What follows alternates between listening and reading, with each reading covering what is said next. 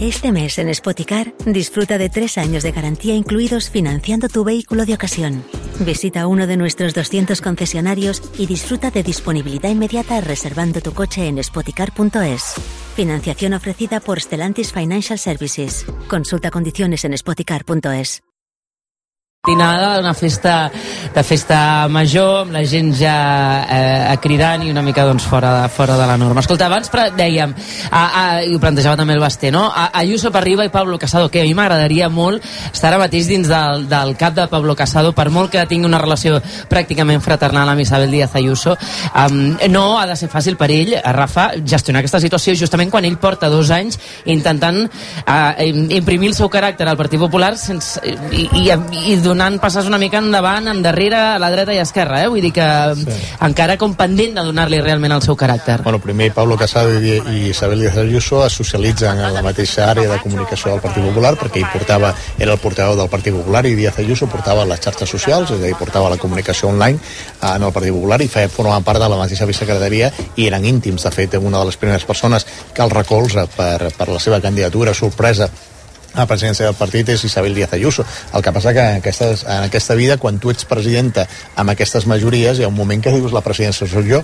És a dir, aquestes coses poden Clar. passar, no? I han passat, i han passat fins i tot aquells que han nomenat successors o successores que acaben passant aquestes coses i tots ho sabem. Home, jo crec que avui, en el cap de Pablo Casado, avui, com a mínim aquesta nit, hi ha una sensació, eh, diguem-ne, de, eh, de buf, eh? de dir, la que m'he quitat encima perquè pensem que Pablo Casado va tenir un problema molt greu a les primeres eleccions de l'any 2019, és a dir, quan eh, arriba amb la seva regeneració i es fot una patacada enorme, és a dir, quasi perd la segona posició ha tingut molts problemes per eh, erigir una alternativa i fins i tot semblava que, doncs, que amb Ivan Redondo, no? aquest, aquest eh, gurú de Moncloa, semblava que ja estava tot fet i que tenia molts problemes, fins i tot ara amb una segona eh, vinguda eh, a comitides de Vox Eh, I ara ens trobem que per primer cop pot dir que ha guanyat totes les eleccions, pot dir que ha guanyat a, a Moncloa, és a dir, ha guanyat el todopoderoso eh, Iván Redondo, per això és per això es diuen la rumorologia de Gènova que Miguel Ángel Rodríguez agafarà les maletes i anirà cap, uh -huh. a, cap a Gènova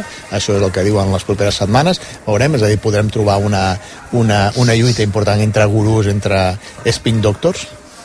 Aquí ho deixo però en aquests moments, en aquests moments jo crec que té una sí, però de dos, de dos moments eh, molt diferents, no? Eh, Ivan Redond, bueno, perquè sí. Mar, amb el Miguel Ángel Rodríguez és que porta 25 anys entre nosaltres, d'alguna sí, manera. Per suposat, eh? per no... però bueno, ha fet, ha, ha fet el miracle que, en el que semblava impossible. És a dir, sí, què sí. passava, què, de què estàvem parlant just abans de, les, de, de però... la moció de censura a Múrcia? Que el Partit Popular a Catalunya s'havia enfonsat absolutament, que Vox li havia, li havia, li havia menjat la sí, torrada, sí. com li havia menjat la torrada abans a, a Ciutadans, i, i estava absolutament desnordat i sense, i sense cap tipus d'horitzó.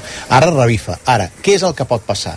Mm, compte perquè pot passar el que va passar amb el CDS l'any 91 és a dir, desapareix el CDS i et desapareix un actor de centre que et pot donar alternatives perquè la pregunta ara que ara que s'ha de fer el Partit Popular a nivell, a nivell de, nacional és primer Espanya no és Madrid, sociològicament. Per tant, aquest, aquest concepte de centre-dreta o de dreta que té Madrid no el té la resta d'Espanya. I segon, amb Vox només pots fer una alternativa de govern? És a dir, tu si sumes Vox tindràs més recolzaments per poder arribar a la Moncloa? Aquest és el plantejament que s'ha de fer, perquè amb Vox ni tindràs el PNB ni tindràs altres tipus de regionalisme. És a dir, en aquests moments eh, eh, és, és una situació complicada. Per això dic que avui és un cert alivi eh, alleugeriment, perdoneu, eh, entre altres coses perquè si sembla que es confirmen aquestes dades eh, eh, de moment el Partit Popular està per sobre de la suma de les esquerres, per tant no hauràs de ficar Vox i Vox mm, comptarà el que comptarà però mm, compta perquè mm, el PP que vagi només amb Vox té el perill de que no pugui sumar a ningú més i per tant que al final es faci aquí. Sí, però a veure aquí hem de tenir en compte que el, el Partit Popular històricament ha estat un partit que ha estat capaç doncs, de aplegar des del centre fins a l'extrema dreta i això se li trenca, no? es trenca fa es comença a trencar el 2015 i amb l'emergència de Vox doncs ja s'acaba d'escardar i, i on abans n'hi havia un passen a haver-hi tres. Ara torna a haver-hi dos.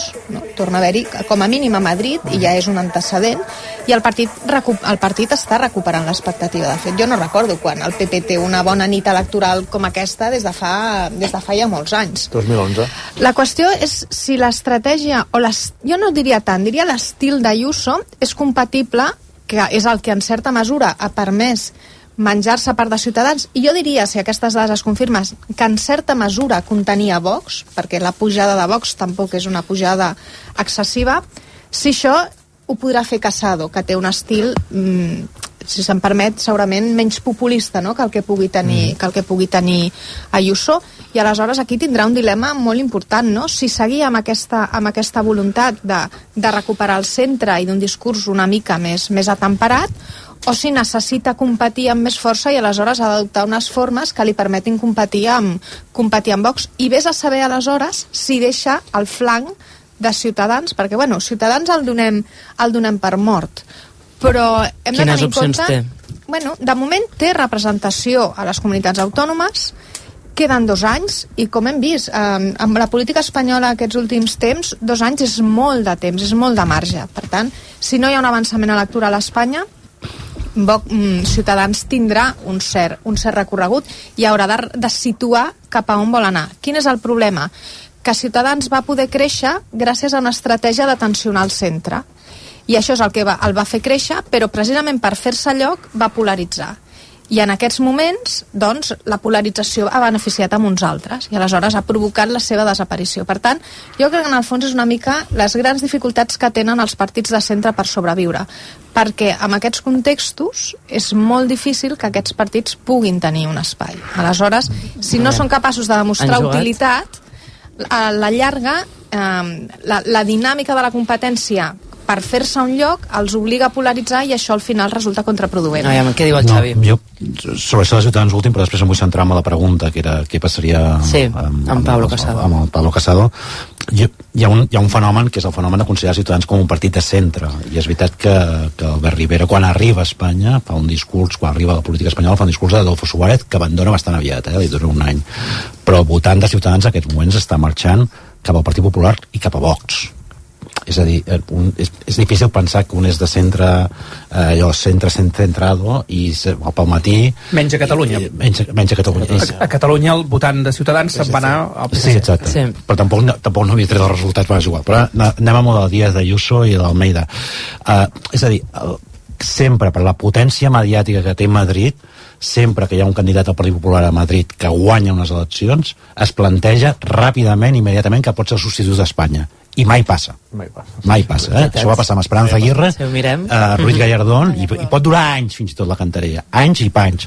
Perquè encara que Madrid, no sé com ho va dir, que és más España o és Espanya dentro d'Espanya, no sé, és Espanya més espanyola que Espanya, i té una bandera a Colón de 300 metres quadrats espanyola, que és una cosa impressionant, a part, malgrat tot això, no acaba de ser Espanya. És a dir, hi ha més, fins i tot el PP és bastant plural en termes eh, estatals i per tant, i a més a més I ara menys que mai, mai segurament, no? Sí. Perquè, vull dir, hi ha, hi ha crítiques que arriben d'altres territoris mm, que, que no habitualment s'han queixat, no? Com més País Valencià, vull dir que Sí, ara sí. menys que mai segurament això de la Exacte. Madrid I, i. I el que sí que crec que sortirà és un discurs, dependrà del que faci Pablo Casado, però es pot tornar a repetir des d'aquesta eh, centralitat d'un cir- d'un d'un circuit de mitjans de comunicació a Madrid el, el gran temazo del Mario Complejines. És a dir, no, no sé si us recordeu que Mariano Rajoy se l'acusava constantment sí. de ser Mario Sí. Això Sí. era eh, bàsicament una cosa del, del poder mediàtic madrileny i llavors aquí Pablo Casado i aquí t'hi diran bàsicament que ha de la, ha de fer de Díaz Ayuso que ha de dir que el lado bueno de la història és el fascismo que ha de dir totes aquestes coses i Pablo Casado aquí haurà de decidir i haurà de decidir perquè, clar, Pablo Casado és veritat que ha, tingut molts problemes per enfocar l'estratègia que fer, que vull dir? Quan hi ha la moció de censura presentada per la Bascal de Vox, el discurs de Pablo Casado aquest discurs sí que s'alinea amb la dreta europea. Sí? potser Ja. és d'allò, sí que s'alinea amb la dreta europea. Però aquest discurs no és el de Díaz Ayuso. I si Pablo Casado fa aquest discurs crec que probablement aquesta dreta mediàtica madrilenya estarà molt contenta, no tinc cap dubte que l'aplaudiran amb les orelles, però no sé si li servirà de massa. A dir, Díaz Ayuso no marca una, no és l'única estratègia que li ha anat bé el PP per barrar el pas a Vox, No, eh, exacte. per menjar-se l'espai del centre-dreta, per quedar-se amb l'hegemonia del centre-dreta. Alberto Núñez Feijóo, amb unes eleccions que són bastant recents també, eh, doncs va tenir una estratègia molt diferent de la d'Ayuso, amb un discurs, amb un to molt diferent, i també va aconseguir doncs, que Vox ni tan sols eh, tingués representació en el Parlament regional i Ciutadans doncs tampoc. Eh, per tant, eh, aquí no només Ayuso pot eh, dibuixar un possible camí a seguir eh, per Pablo Casado, i també Madrid no, no és Espanya, Galícia tampoc, d'acord?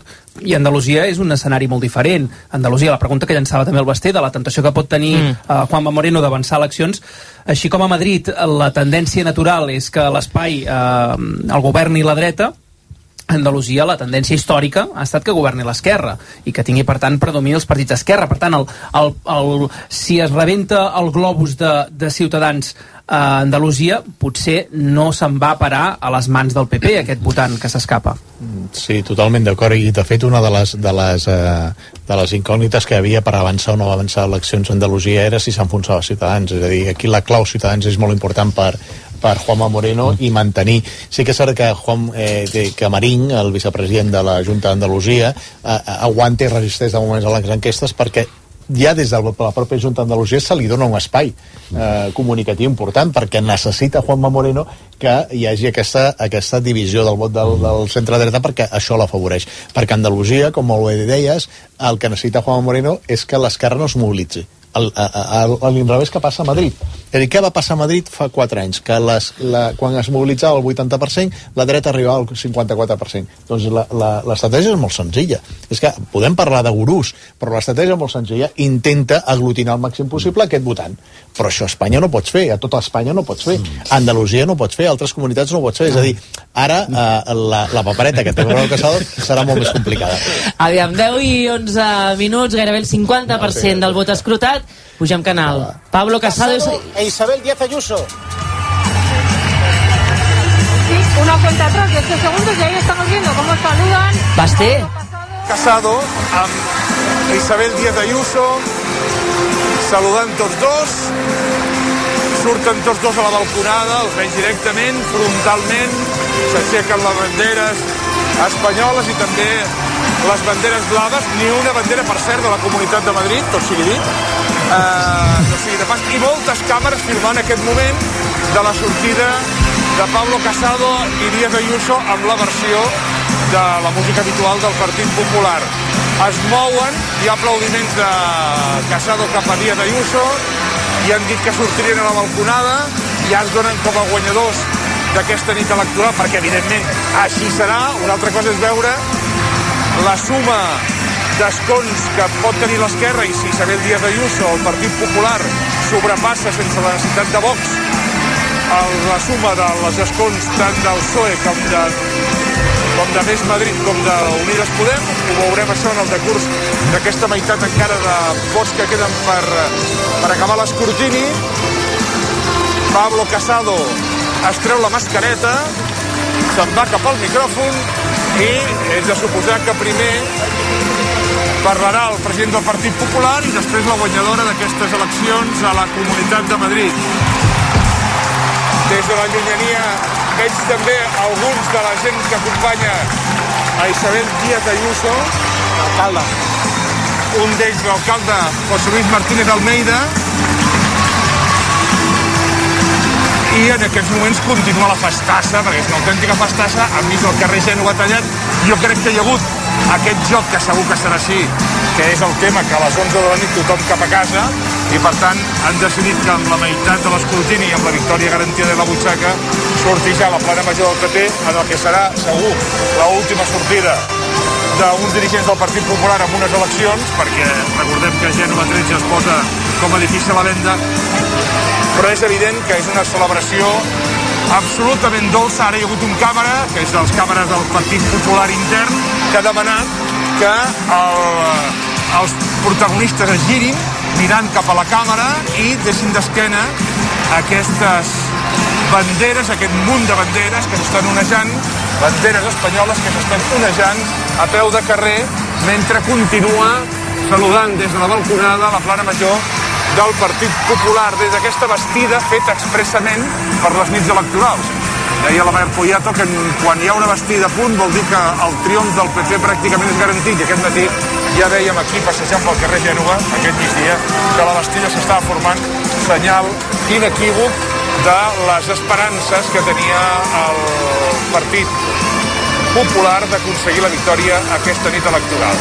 Continua la celebració a baix i a dalt d'aquesta vestida, aplaudiments des de dalt, i esperem que en breu a Pablo Casado i Isabel Díaz Ayuso agafin la paraula des d'aquesta vestida del carrer Gènova 13 de Madrid per explicar eh, les seves sensacions en una nit on el Partit Popular, després de molt de temps, torna a recuperar el somriure, un somriure que evidentment veurem fins quan els hi dura, tenint sí. en compte que a partir d'ara s'obren molts processos i molts interrogants sobre el futur eh, tant a altres comunitats autònomes com a Andalusia, com fins i tot a la pròpia governabilitat del govern d'Espanya.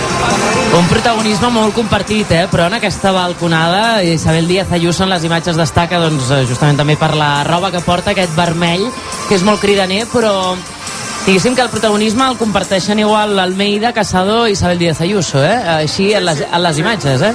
Sí, i hi ha una cosa també molt simptomàtica, que és que deu ser, deuen tenir molt clar el resultat victoriós per tenir un 56% i sortir ja a cantar la victòria. I, evidentment, que el toc de queda sigui a les 11 de la nit és evident. Crida Ayuso, Ayuso, ara perquè, evidentment, és el cognom no agafen el Díaz, sinó que es queda com Ayuso. A més, ha quedat ja com la marca Ayuso, més que Díaz Ayuso, més que Díaz, i més que la és que, escolta'm, el 60% del vot escrutat té 64 diputats, eh? El Partit Popular es queda a, a 5 de la majoria absoluta. És una barbaritat. 5 que pot aconseguir fàcilment amb els 13 que, que, que té Vox o amb abstencions dels altres, però sí, amb aquest 60% escrutat, contundència clara del PP eh, guanyant aquestes eleccions a, a Madrid, doblant els seus resultats de fa eh, dos anys. Doncs bé, sentíem aquest eh, so de fons, ara no sé si tenim problemes per sentir, Comença Pablo Casado, vinga, l'escoltem. El PP se va al 27%. Mm. Pablo Casado, en directo. Molt bé, doncs, efectivament. No. No, no, no, no. no Isabel Díaz Ayuso seguirá siendo la presidenta que merece Madrid. Yo quiero empezar recordando a las familias de las víctimas por el coronavirus y a esas familias que lo están pasando mal por la crisis económica. En estas elecciones se ha votado una forma de hacer política, de resolver los problemas de los madrileños, de ocuparse de la salud, de ocuparse del empleo, de ocuparse del bienestar, de ocuparse del progreso, de ocuparse de la libertad. Y ha ganado la libertad.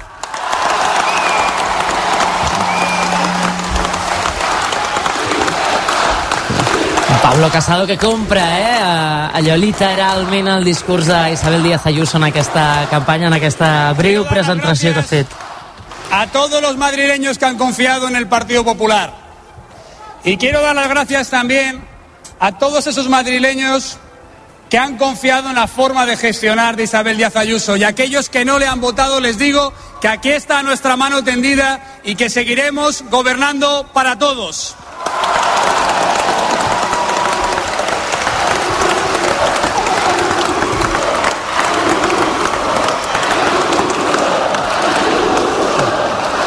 Y quiero dar las gracias también al Partido Popular de Madrid y de España, a Pío, a Ana, a Teo, a todos los equipos y a nuestro alcalde, José Luis Martínez Almeida.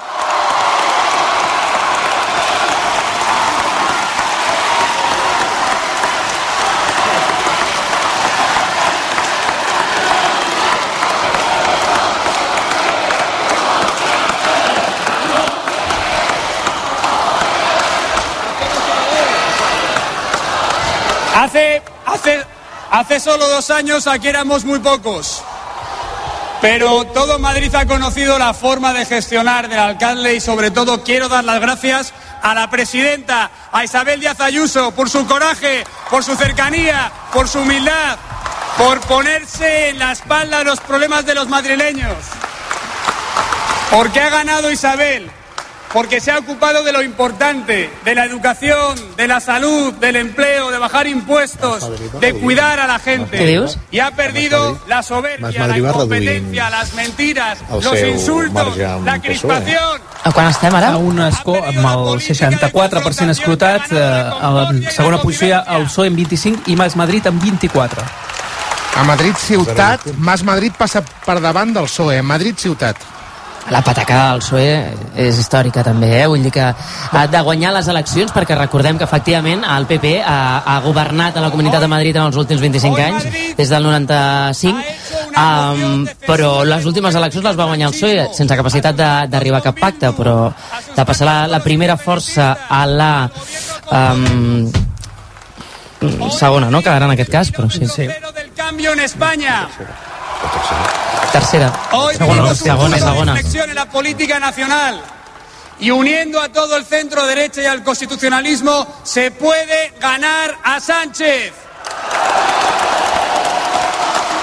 Sánchez, Eh, Sánchez. no es constitucionalista. Hay partido, hay futuro, hay esperanza, hay ilusión. Y aquí hay una sociedad que quiere un cambio en España. Hoy la libertad ha ganado en Madrid, pero mañana lo hará en toda España.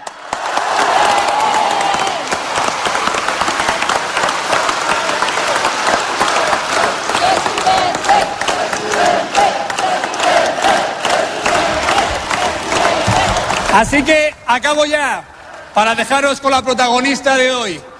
A los jóvenes que nos miran con inquietud, conseguiremos acompañarles para que recuperen sus sueños. A los mayores, que recuperen su tranquilidad. A las familias, que recuperen su ilusión. Y a los españoles, que recuperemos un futuro en libertad. ¡Viva España y viva Madrid! Bueno, és l'alegria de vivir, eh, una mica, um, i ara ho veurem amb Díaz Ayuso, que es treu la mascareta i efectivament doncs està uh, radiant, eh, um, de felicitat, òbviament, després d'aquest resultat que, insistim, eh, amb el 64% dels vots escrutats, té 64 escons, la majoria estan 69, veurem com avança, però quedant-se ja només amb aquest resultat és que uh, més que doble els resultats de, del 2019. Sí, estem a 68% ara, hi ha hagut un salt 68. i estem amb, amb aquests 64 escons del PP molt per davant i amb, per tant, totes les possibilitats de governar.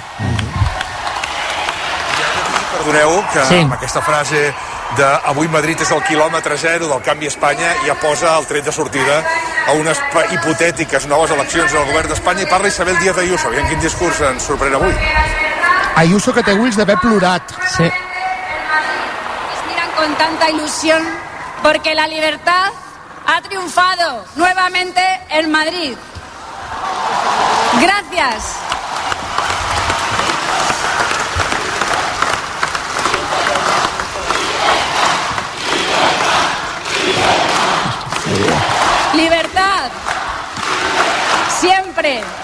Siempre.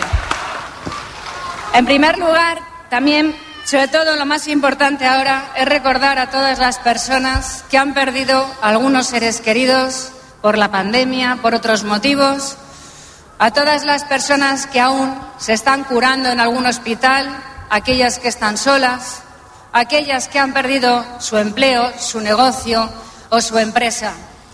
Han sido los dos años más difíciles que habíamos ni siquiera imaginado. Y sin embargo jamás la sociedad madrileña y la sociedad española habíamos estado tan unidos. Y vamos a seguir así para adelante con libertad, con concordia y gobernando para todo el mundo y demostrando que las instituciones están para eso, para ser respetadas, para gobernar para todos, defendiendo que esa separación de poderes y que esa forma de gobernar con opulencia y con hipocresía desde la Moncloa tiene los días contados. Ya está bien, ya está bien. Efectivament, el que passa a Madrid, allò de Madrid és Espanya, Espanya és Madrid, i ella focalitza el seu discurs en tot això, no? en la, la seva victòria amb això, apuntant a Moncloa. tienen problemas de movilidad reducida, a las personas que han venido desde otros rincones del mundo a votar a su casa, a los interventores, a los apoderados, a las personas que han estado en las mesas. Gracias a todos por daros nuestra, vuestra confianza. Gracias por haber hecho historia. Hoy empieza de nuevo un nuevo capítulo en la historia de España, porque hoy, desde Madrid, desde el kilómetro cero, vamos a recuperar el orgullo, el sentimiento de pertenencia, la cultura del esfuerzo y, por encima de todo, la convivencia, la unidad y la libertad que necesita España. Hoy empieza de nuevo. Hoy empieza de nuevo.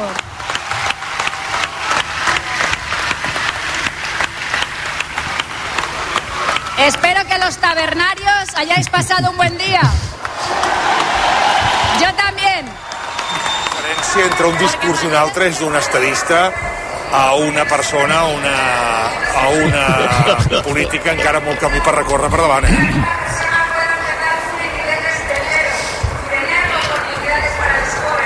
amb molt camí per recórrer endavant o, en fi, amb una, a, a, a, que- amb una manera de fer que no sé si, la, si, si és per madurar-lo o no, eh? o és per fer senyal d'identitat eh, tot el que li duri la, la carrera política, perquè s'ha de dir que, que, sigui, que és fàcil entendre per què Díaz Ayuso ha guanyat a Madrid que no vol dir que, que no sigui preocupant, però el to, el desacomplexament, eh, aquest missatge de la llibertat, eh, esclar, si no el contraposes d'una manera seriosa, però amb les mateixes eines i amb un mateix tarannà, caràcter i amb llum, o és imbatible.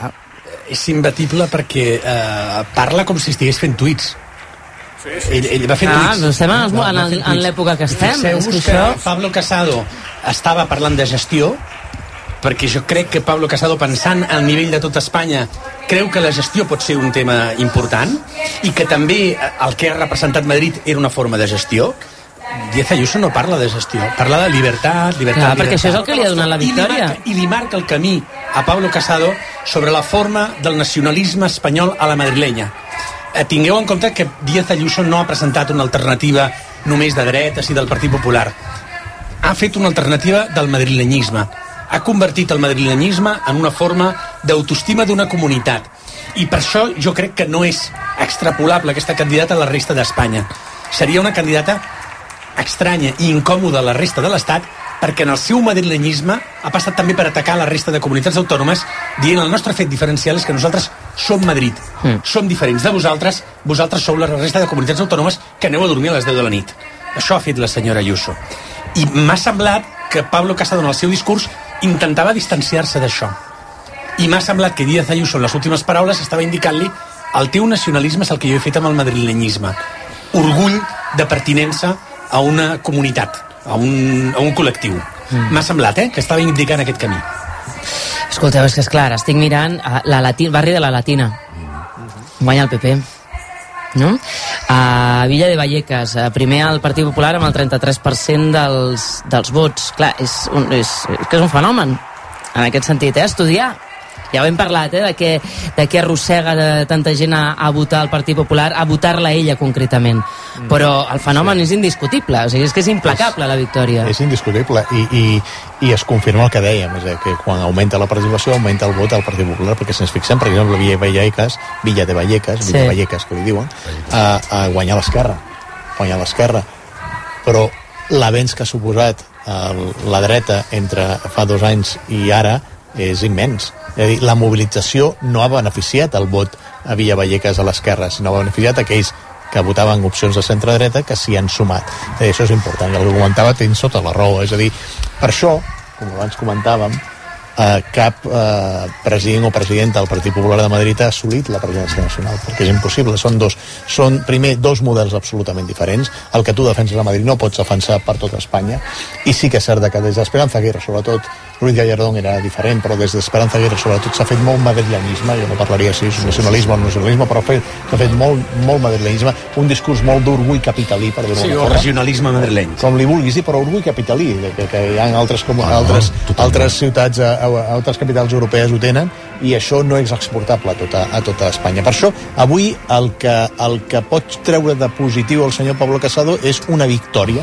que no tenia, és a dir, moralitzar, mo- remoralitzar No, el Rafa, partit, però no tant, no tant, pitjor. no tant, perdona, acabo, acabo. Mm, És a dir, remoralitzar el partit, però no tant l'estratègia que ha de seguir per guanyar Espanya. Hi ha una cosa només, eh, només, a punt. Eh, això que de- dèieu de eh, d'Esperanza Aguirre, que jo crec que comença amb ella. És a dir, no sé si recordeu quan es fan l'aniversari de, de, de la insurrecció contra la invasió napoleònica de 1808, que Esperanza Aguirre fa una gran operació memorial amb una pel·lícula inclosa que bàsicament explica que les, los levantamientos de mayos del pueblo de Madrid era el levantamiento de España, perquè en Madrid és la síntesi d'Espanya, és a dir, aquest tipus de discurs de, eh, que no és, no és, no és, nacional, és nacionalisme espanyol, però és una lectura regional nacional el qual connecta Madrid amb el cor d'Espanya que és un tipus de discurs que a Madrid funciona bé. Jo, no, jo no, no, no sé si pels missatges senzills que deia o no, perquè jo també crec que, és dir, igual que el capitalisme popular de Thatcher generava consens, crec que el model de creixement de Madrid genera consensos i que això també ho explica. Ara, és un model de creixement que segur que no és, no és aplicable a Espanya, això segur, perquè es basa en la capitalitat, és a dir, en la capacitat d'absorció de recursos de, de, de la capitalitat. Llavors, bueno, això, que, que aquest tipus de discurs eh, jo crec que és el que acaba, el que acaba triomfant a Madrid. Ara estic veient en imatges, no sé si tenim el vestit. Eh, Díaz Ayuso està ensenyant una pulsera eh, de color groc, blava i vermella. Se l'ha tret del canell i l'ha ensenyat a la gent. Bé, no, no tenim, no, el vestit? El tenim connectat, sí? No, no, no, no. Hola, Digues, hola. digues, digues. Hola. Hola, Agnès, perdona, eh? eh? Ja la gent comença a enfilar camí de casa, cosa que ho hem fet molt bé, això, les coses com són, perquè són quarts d'onze de la nit i la gent ja se'n va. Molta gent jove, és a dir, que hi havia avui aquesta nit aquí a, al carrer Gènova i eh, hi ha un exercici de la redacció de nit de informatius de rac on sempre treballa molt i molt bé, que és comptar els cops que en el discurs de, de uh, Isabel Díaz Ayuso ha dit la paraula libertat aquesta nit, perquè jo crec que ha batut el rècord d'un discurs breu, amb cops que ha dit la paraula llibertat, que evidentment és, els, és la paraula, que és el lema de la seva, de la seva campanya de la seva campanya electoral. La festa continua, però aquí recordem d'aquí 29 minuts s'acaba el toc de queda i he de dir també que trobar un lloc per menjar alguna cosa és impossible perquè també efectivament i més amb la policia local donant tons per, per aquí a les 10 de la nit és l'últim moment que et poden donar alguna cosa per menjar en els restaurants de, Doncs- de Madrid però les terrasses continuen plenes Et, et diré, Jordi, que aprofitis, no? No, per fi aquí em sembla que l'únic que em poden donar és una crep que com pots imaginar no és de les alegries més grans que podria tenir a la meva vida Uh, escolta, jo no sé si us faran fora d'aquí en tot cas. Si, si vas cap a algun altre lloc que no sigui l'hotel, ens avises, d'acord? Val, perfecte. Vinga. Una abraçada molt forta i un agraïment, deixa'm dir, amb el Xavi Cupido, del company tècnic que ens ha anat aquí eh, assistint, i també amb en Jordi Ramos des de la producció, i en Mm. aquesta zona del carrer Gènova que, repetim, i ara jo crec que el més interessant és saber qui parlarà que si dirà alguna cosa Inés Arrimadas, si dirà alguna cosa Ángel Gabilondo, si dirà alguna cosa Pablo Iglesias, i quan ho diran, Ah, sí. són dos quarts d'onze i encara seria qüestió de saber-ho. Estan muts i a la gàbia, de moment. Eh, On sí que estan eh, parlant és a la seu de Vox, Rocío Monasterio, Núria Torrents. Sí, just acaba de sortir ara mateix Rocío Monasterio. Ha dit que han complert l'objectiu, que han aconseguit treure l'esquerra del govern de Madrid. A més, ha felicitat a Díaz Ayuso. Aquí li diu que ara mateix eh, té la decisió de triar entre ells o una abstenció de l'esquerra. Moltíssima gent, cap tipus de distància de seguretat, aquí banderes, molts crits de presidente, uh, viva Espanya, eh, ara hi ha aplaudiments, mireu, ara criden hay que votar a Vox, que ja porten molta estona, i Sí. Rocío echa coletes. Val, és a dir, que càntics mil Sí, no el sentim. ara sortirà ja Bascal. No el sentim, però no el sentim. No frenar a la sentim. izquierda que Ah, ya sí. sabemos lo que trae y los resultados de la izquierda pues ya los han visto ustedes, ¿no? El gran fracaso del PSOE de Sánchez y el gran fracaso eh, de la izquierda que no ha entrado en Madrid. Muchas gracias. Doncs bé, Rocío Monasterio, efectivament, també veient amb imatges que davant les portes de la seu de Vox doncs, eh, hi ha celebració. Eh, jo el que vull saber, a veure, començant pel Jordi Armenteres, el PSOE, piulen o no piulen? No, de moment res. És veritat que ens han enviat l'enllaç per poder seguir la, la compareixença que faci d'aquí a uns minuts Ángel Gabilondo, però no ens volen dir a quina hora sortirà. Perfecte. Hi ha Ciutadà, a Ciutadans, a Navall Honesta, moviment. Doncs res de res. La Un imatge de la silenci. situació és la mateixa que, que explicàvem a la connexió anterior. Hem preguntat a alguns dels membres de premsa del partit que, que corren per aquí si tenien la intenció de dir alguna cosa, qui parlaria i ens han dit que, que de moment no, no, no ens podien dir res. Ara sí que veiem una mica de moviment, alguns Mireu, membres Anna, del partit Agnès, veiem que estan digues. baixant del Hi ha primer un missatge pis. de WhatsApp a través dels periodistas habituals que Yes. hacen Política Madrid. Buenas noches, en menos de 15 minutos interviene Edmundo Val desde la C- sede de Ciudadanos a través de un enlace de streaming que ens el passen. En menos de 15 minuts ens enganxaran encara... Deu ser justament aquest moviment que dèiem ara, doncs que es veia que començaven a moure gent dels passadissos i que començaven a baixar fins aquí. Doncs... És que és eh, molt fort que ens ho diguin primer a, a, a través de WhatsApp que no els que sou físicament a la seu en aquests moments. Sí, sí. Aquí la gent ara s'ha començat a aixecar de cop perquè han començat a veure moviment, però com dèiem, no, no ens havien avisat. Mm, per cert, que aquella pulsera, aquella, sí, eh, que, que, que ensenyava Isabel Díaz Ayuso de tres colors, que se l'ha tret del canell, de fet, ella, eh, i l'ha ensenyat, doncs deduïm, eh, també el, el Toni Aire també m'envia un missatge, perquè també ho estàvem valorant, no?, que sigui la bandera de Venezuela. Venezuela hi ha una comunitat de veneçolans eh, Comunismo. molt important a, a Madrid eh, i, i n'ha fet bandera en moltes ocasions el, el PP amb l'oposició venezolana, no? Clar. Doncs deu ser, deu ser, deu ser això. Bé, en 10 i 35 minuts no hi ha moviment enlloc. Mira, aprofitem, fem una pausa i a la tornada a veure Edmundo Val, a veure si surt, no ho anuncien, però a veure si surt eh, acompanyat o no d'Inés Arrimadas. Tota la informació de la jornada electoral a RAC1. Quan la realitat supera la ficció. Aconsegueix amb l'avantguàrdia una col·lecció de llibres basats en crims reals. Descobreix els casos més famosos explicats pels mestres del gènere. Primera entrega, El projecte Williamson de John Grisham per només 6 euros amb 95. Aquest cap de setmana, amb l'avantguàrdia. Ja és aquí la quarta edició del campus de futbol Mundo Deportivo amb la coordinació de Sports, organitzadors del MIC Futbol. Del 28 de juny al 2 de juliol a Barcelona, per jugadors i jugadores de 6 a 16 anys i amb totes les mesures de protecció contra la Covid-19. Apunta't ja al web mundodeportivofootcamp.com amb el patrocini d'Agbar i la col·laboració de Danone. Campus Mundo Deportivo. Passió pel futbol. Últimament s'abusa del terme premium.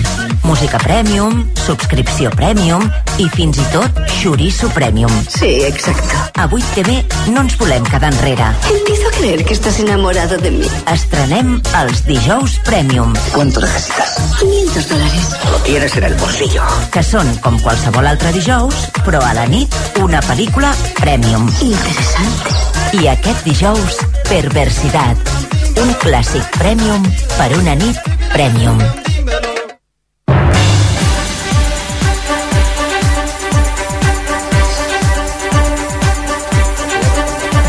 Les 10 i 37 minuts pendents de tot el que passa a Madrid, però també a RAC més els companys d'esports estan pendents de dues eh, partits en marxa ara mateix. Eh, bàsquet, el, diguem si es decideix el pas de la, el Barça a la, final, a la Final Four i també el que sembla ja certificat que el Pep Guardiola amb el Manchester City arribarà per primera vegada a la, a la final de la Champions. Eh, Jaume Molló. Hola, bona nit, Agnès. Doncs així és, anem a pams. La veritat és que hi ha poca emoció ara mateix, en aquest moment de la nit, perquè comencem al Palau Blaugrana, el Barça de bàsquet, amb Marc Mundet té a tocar la classificació per la Final Four de l'Eurolliga, Colònia. Doncs sí, li queden 5 minuts i 43 segons per arribar al final del partit. L'equip català que guanya de 21, Barça 67, Zenit de Sant Petersburg 46, el Barça buscant la seva quinzena Final Four de la seva història.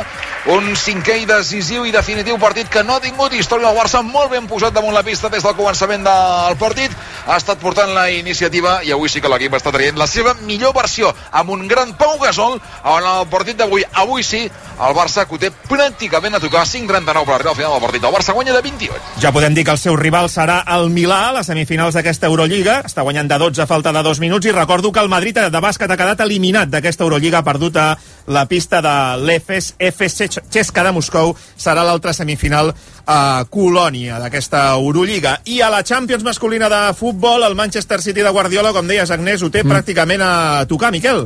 Doncs sí, bona nit, està guanyant per 2 a 0 contra el PSG amb dos gols de Marès, una a cada part. A més, el PSG juga amb 10.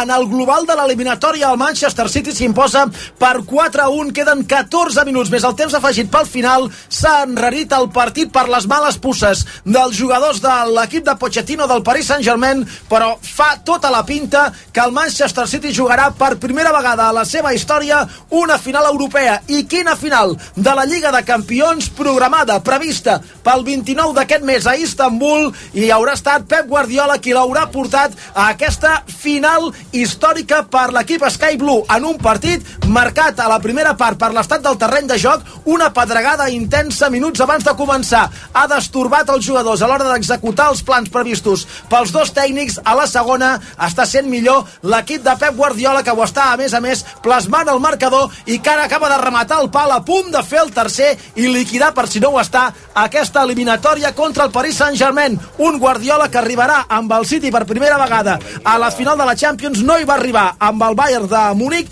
L'última de Guardiola és la del 2011 que el Barça guanya a Wembley, per tant, 10 anys després tornarà a la màxima final de la màxima competició continental de futbol. El City contra el Chelsea o el Real Madrid, això ho sabrem demà. Més. Molt bé, gràcies. Jaume, a partir de les 11 s'hi posaran els del Tu diràs amb l'Elis Pariser al capdavant. Marc, eh, quin Doncs percent de... eh, tornem a RAC més u, Canviem? al Fem pal- un canvi? Molt bé, continuem a RAC1. Um, com tenim el percentatge de vot escrutat? Som ja al 84% de, del recompte, és, eh, amb una majoria molt sòlida d'Isabel Díaz Ayuso de 64 escons, eh, per tant, a només eh, 5 de la majoria absoluta, i que podria aconseguir fàcilment en Vox, que en té 13, i que, per cert, Rocío Monasterio en la compareixença ha dit que facilitaran la investidura d'Isabel Díaz Ayuso. Per tant, no hi ha dubte del resultat que tindrà a la, en, a, en aquesta votació d'investidura. A l'altra banda, la banda esquerra, 25 escons en segona posició. El PSOE, 24 més Madrid, per tant, frec a frec entre Frec més Madrid frec, eh? i el PSOE. A només... Aquí hi ha 10.000 vots de diferència, només. Sí, de fet està a 7.700 vots més Madrid d'agafar-li l'últim escó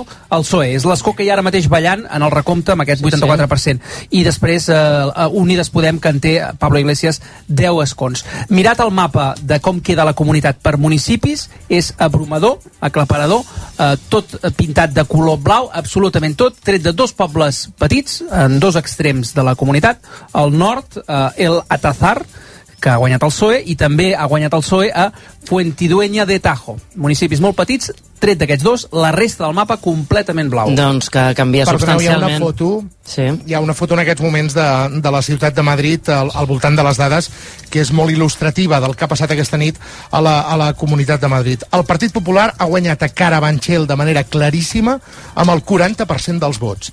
El PP ha tret el 40% dels vots a Carabanchel, que és un, un barri eh, obrer, progressista, venia del 20%. O sigui, l'any 2019 hi havia un 20% de vots al PP a Carabanchel districte doble en aquests moments.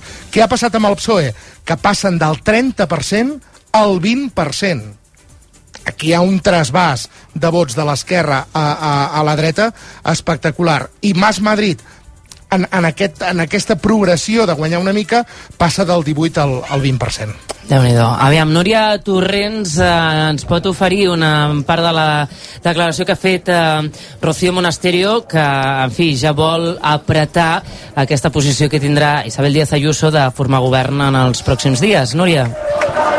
Sí, Vox que asseguren que ja han aconseguit el seu objectiu, que és el de frenar l'entrada de les esquerres dins del govern de la comunitat, i Rocío Monasterio ha confirmat que donarien suport a la candidatura de Díaz Ayuso i que ara és la popular qui ha de moure fitxa.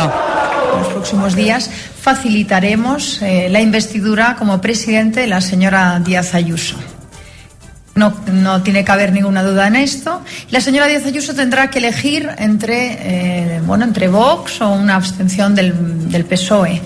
Eh, ahora mismo la decisión la tiene, la tiene ella. Vox es decisivo. Hacen falta los votos de Vox para que no entre la izquierda en Madrid. Hacen falta los votos de Vox eh, para hacer las políticas de prosperidad, de libertad, de seguridad y de protección a la familia, que es lo que defendemos. Y durante estos dos años serán decisivos nuestros votos para absolutamente todo.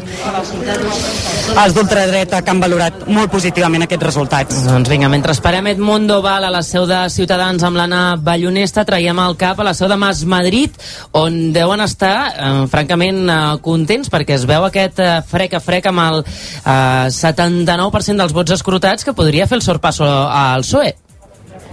Exacte, o sigui, en aquest cas, diguem que, que Mas, Mas Madrid, anava a dir Mas País, ha aconseguit, doncs, això, trepitjar els talons al, al Partit Socialista i tenim una primera reacció de Pablo Perpinyà, que és un dels coordinadors que ha estat, doncs, darrere mà mà amb, amb, amb Mònica Garcia, no?, que ha fet un tuit ara mateix fa, fa pocs minuts en què acaba de dir tot i els resultats de, de Mas Madrid, no, doncs, nit molt trista per milions de madrilenys, doncs, per, també per la derrota de, de l'esquerra i que creu que Mas Madrid consolida un espai verd i madrileny, però no ha sigut suficient, ha piulat. Toca pensar, apretar les dents i posar-se a remar des de demà, dit.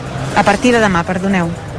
Mm, gràcies, Núria. Aviam, Joan, Xavier, Rafa, Astrid, com jo és que ara estic veient, estava mirant Twitter, és clar, és que eh, el missatge és aclaparador, és a dir, eh, eh, molta gent que es destapa sent admirador d'Isabel Díaz Ayuso, hagin votat o no en aquestes eleccions, perquè, pel fet de, de què és el que ven, quin és el missatge que ven més enllà de les paraules, segurament, no? Doncs, mm, il·lusió, ha sabut trobar el to, il·lusió, alegria, energia, mm, en fi, això, això sí, si passem de puntetes pel que implica, no? Vull dir que després hem, hem de mirar eh, com estan els treballadors sanitaris a la Comunitat de Madrid, que parles amb molts d'ells i es posen les mans al cap, no?, de, de tot el que ha fet Díaz Ayuso l'últim any, però com que estem en un moment en què tendim, en general les societats, els mitjans de comunicació i tots els agents de la societat en quedar-nos en la superfície, simplifiquem, i Díaz Ayuso és això. Bueno, L'esquerra però- és tot el contrari. Però és que eh, Díaz Ayuso, a mi una de les coses que m'ha sorprès molt no, d'aquesta campanya és que s'ha volgut dividir molt entre dreta i esquerra, no? Semblava que era una campanya no, de, de, de grans essències ideològiques, però al fons eh, Ayuso segurament ha aconseguit mobilitzar una part important de l'electorat de l'esquerra oferint una de les coses que l'esquerra ofereix, no? que és que la gent pogués treballar amb totes les conseqüències amb totes les conseqüències que, que, puguem, que puguem extreure a nivell sanitari.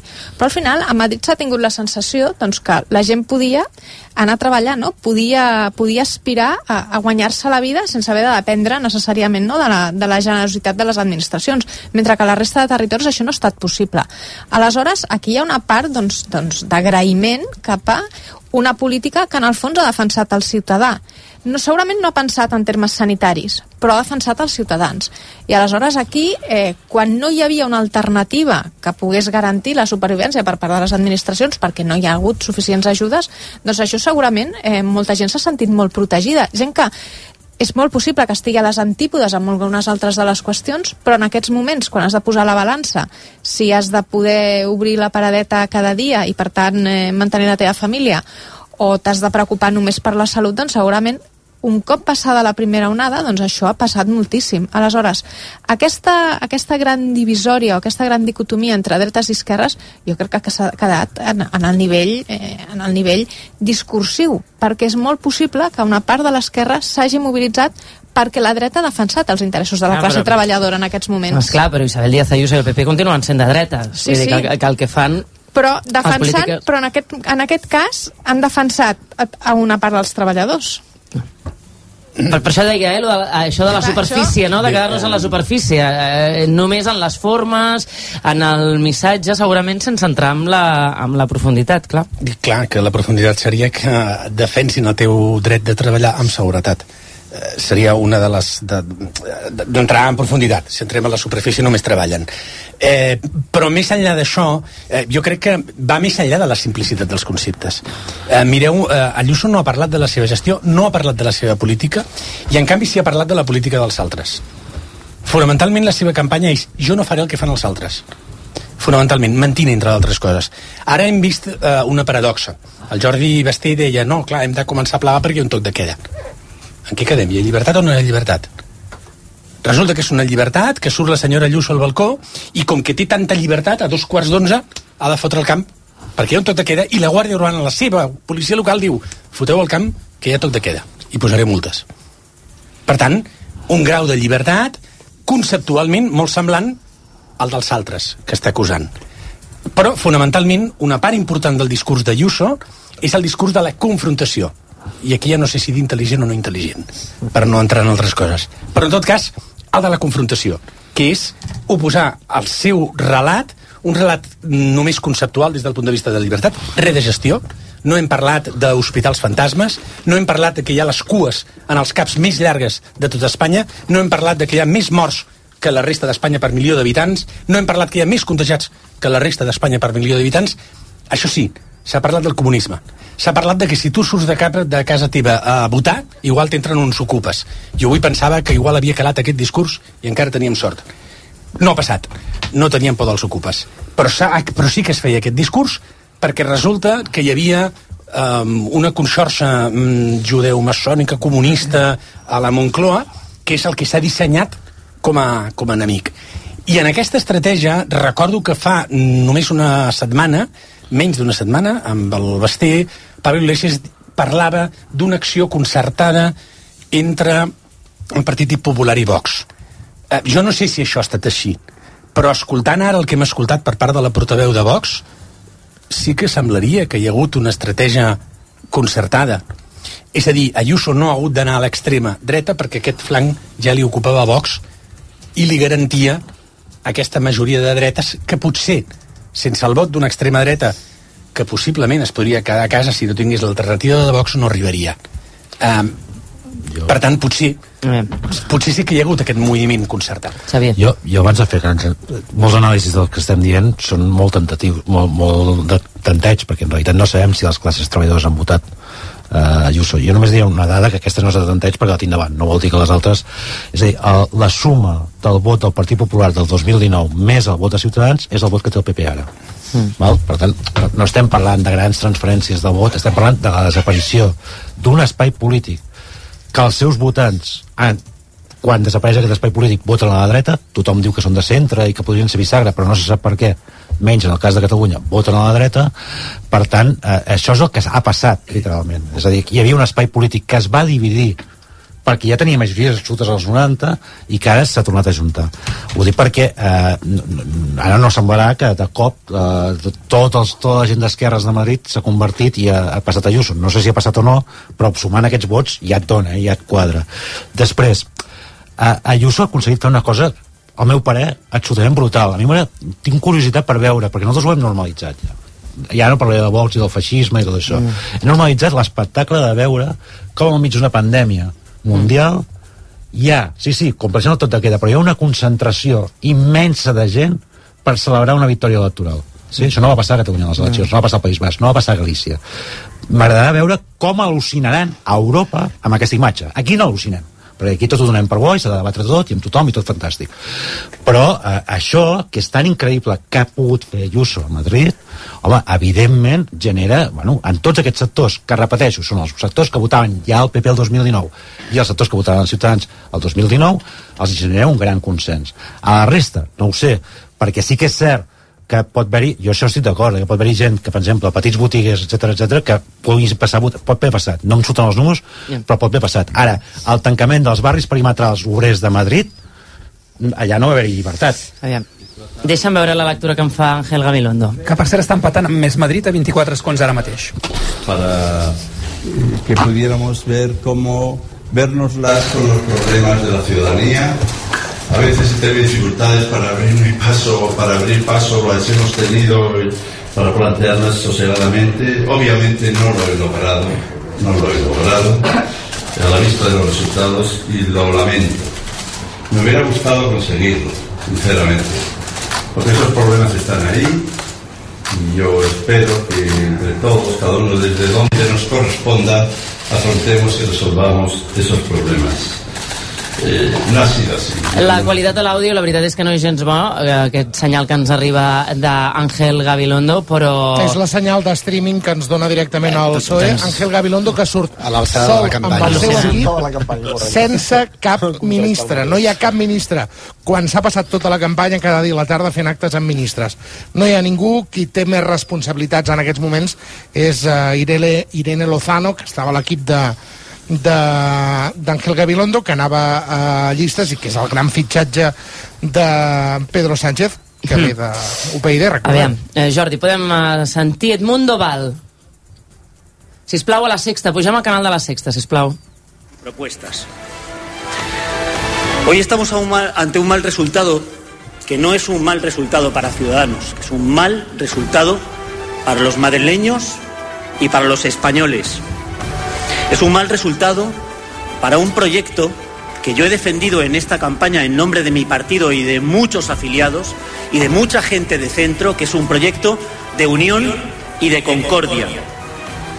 Asumí este reto y sabía que me enfrentaba a una situación difícil, sabía que tenía que conseguir convencer a mucha gente de que en España debemos seguir apostando por la concordia, por la unión, por la convivencia. Lo hice pensando... Mundo Val, el candidato de Ciudadanos, muy emocionado. Y atención, estamos ya... Bé, 6 minuts eh, per les 11. Eh, realment estem sentint el Mondoval amb, amb la sintonia èpica eh, per sota, però en tot cas admetent la, la derrota, que sense pal·liatius, però eh, considerant que eh, també doncs, no és, eh, sembla, no responsabilitat exclusiva seva, sinó també doncs, de, de l'entorn i del moment de pandèmia. Companys, que algú miri, tenim, podem sentir Edmundo Val en algun altre lloc? Doncs no. Eh, seguim amb Ángel Gabilondo, dèiem Jordi Armenteres que l'àudio és pèssim, tenint en compte que és el que ens passa en ells, eh? Sí, es continua escoltant exactament igual. Acaba de felicitar el PP per la victòria, admetent que ells no ho han sabut fer, el sentim. historia y una verdad diaria y cotidiana en cada municipio, en cada distrito, en cada barrio. A todos los que habéis trabajado en tantos lugares por hacer valer las buenas razones sociales para que nadie se quede atrás.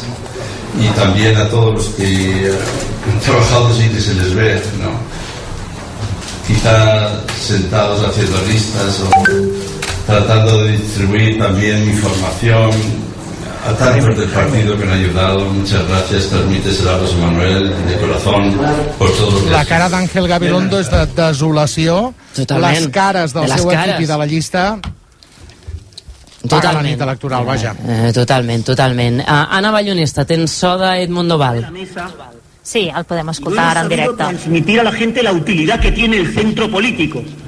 Y la gente no se ha dado cuenta de que el futuro de España, que el futuro de Madrid, está en esa moderación, en ese centro, en esa, en esa falta de radicalidad, en esa encontrar soluciones a los problemas reales de la gente. No hemos sabido convencer a la gente, no, pero todos los que hemos participado en esta campaña, veo aquí a Begoña, veo a Jordi Cañas, veo a toda esta gente que se ha dejado la piel en la campaña, todos sabemos que hemos hecho lo que teníamos Ana. que hacer, lo que nos pedía Ana. la gente. Si em sent l'Anna Ballonesta. Sí, sí, Sí, eh, Inés Arrimadas, l'has vista?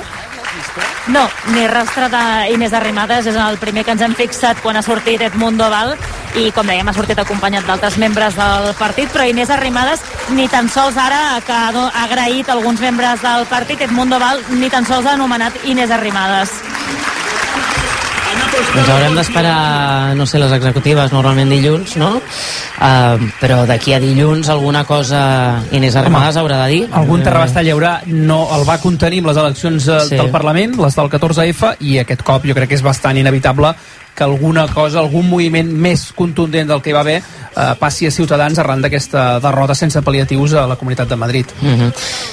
Tampoc està Sánchez, no?, a, a, a la seu del...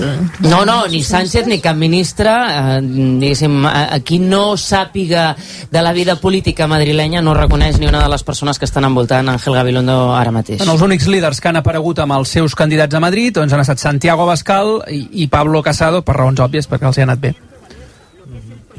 Ara ens han arreglat el micròfon eh, de Gabilondo. Ai. De fet, el podem sentir, però està reivindicant tot el que ha fet durant la, la campanya. Tampoc seria molta notícia. Tema Sánchez. és a Moncloa. L'argument tant del PSOE com del govern espanyol és que en totes les últimes eleccions autonòmiques, i això implica també les catalanes i les basques i gallegues de l'any passat, es va quedar a Moncloa i no va anar a la seu de Ferraz. Òbviament estava en comunicació directa amb, amb Ferraz, amb Mávalos, amb l'Astra, que, que capitanegen l'equip de direcció del PSOE a Ferraz, però ell no hi era. Per cert, aquests sí que se saltaran el toc de queda. No hi ha, no hi ha Totalment, aquella aglomeració de ciutadans, 11 però... Aquí només hi ha mitjans de comunicació, Sí, però a la però- seu del PSOE. Però en tot cas deuen, deuen estar treballant, no? Estan treballant. Sí, sí, evidentment, poden considerar que és treball, però normalment una nit electoral surten primer els que perden i els últims els que, els que han guanyat, no? I avui ho hem vist al revés, han sortit primer els guanyadors perquè la gent s'afanyés a poder marxar i complir el toc de queda i ara estan sortint tard ja eh, la resta de, de partits. Ah, amb el 89% del vot escrutat, el PSOE manté els 25 diputats. No, n'ha perdut un. Hi ha hagut un ball d'aquest escó del És que PSOE no que s'ha anat bé cap al... el- el- el- el- Sí, el. PP ara té 65, per tant es queda a només 4 escons Ara. de la majoria absoluta. Eh, i el PSOE ha perdut el 25è i per tant ara està empatat a 24 escons amb Més Madrid. I de fet la diferència és de només 1.500 vots la que separa. El resultat del PSOE del de Més Madrid 24 escons cadascun i després hi ha els 13 de Vox i els 10 Això vol, d'Unides Podem això vol dir que els de. Més Madrid tardaran a sortir, perquè esperaran fins al final a per veure si queden segons. Ara, és que és el que anava a dir, vull dir, aquí ha, aquí ha uh, afecta Mònica Garcia, segur, segur, caldrà veure quan surten, suposo que quan s'acabi d'aclarir això que dèiem, i també doncs, amb un ull posat a la seu de Podem a veure què, què fa uh, Pablo Iglesias. Per cert, jo aquesta foto que queda del nou de l'Assemblea Regional em recorda bastant la de, la de Galícia, en el sentit que també hi ha un PP en majoria absoluta en aquell cas i sense Vox, el que dèiem abans, però en què el PSOE ha quedat eh, tercer en el cas de Galícia i aquí, si no hi queda, gairebé tercer. I per tant, l'alternativa al PP a Galícia eh, doncs és a, a, en Marea i aquí Uh, no, Galícia és el BNG i aquí uh, doncs, acabarà sent més Madrid si depèn com acabi el recompte mm. Sí, només Acaba un... Gabilondo, ha dit analitzarem, reflexionarem, veurem què podem fer per donar resposta a la societat de Madrid. Ha estat un orgull i ho continua sent representar el PSOE. De fet, ha felicitat no només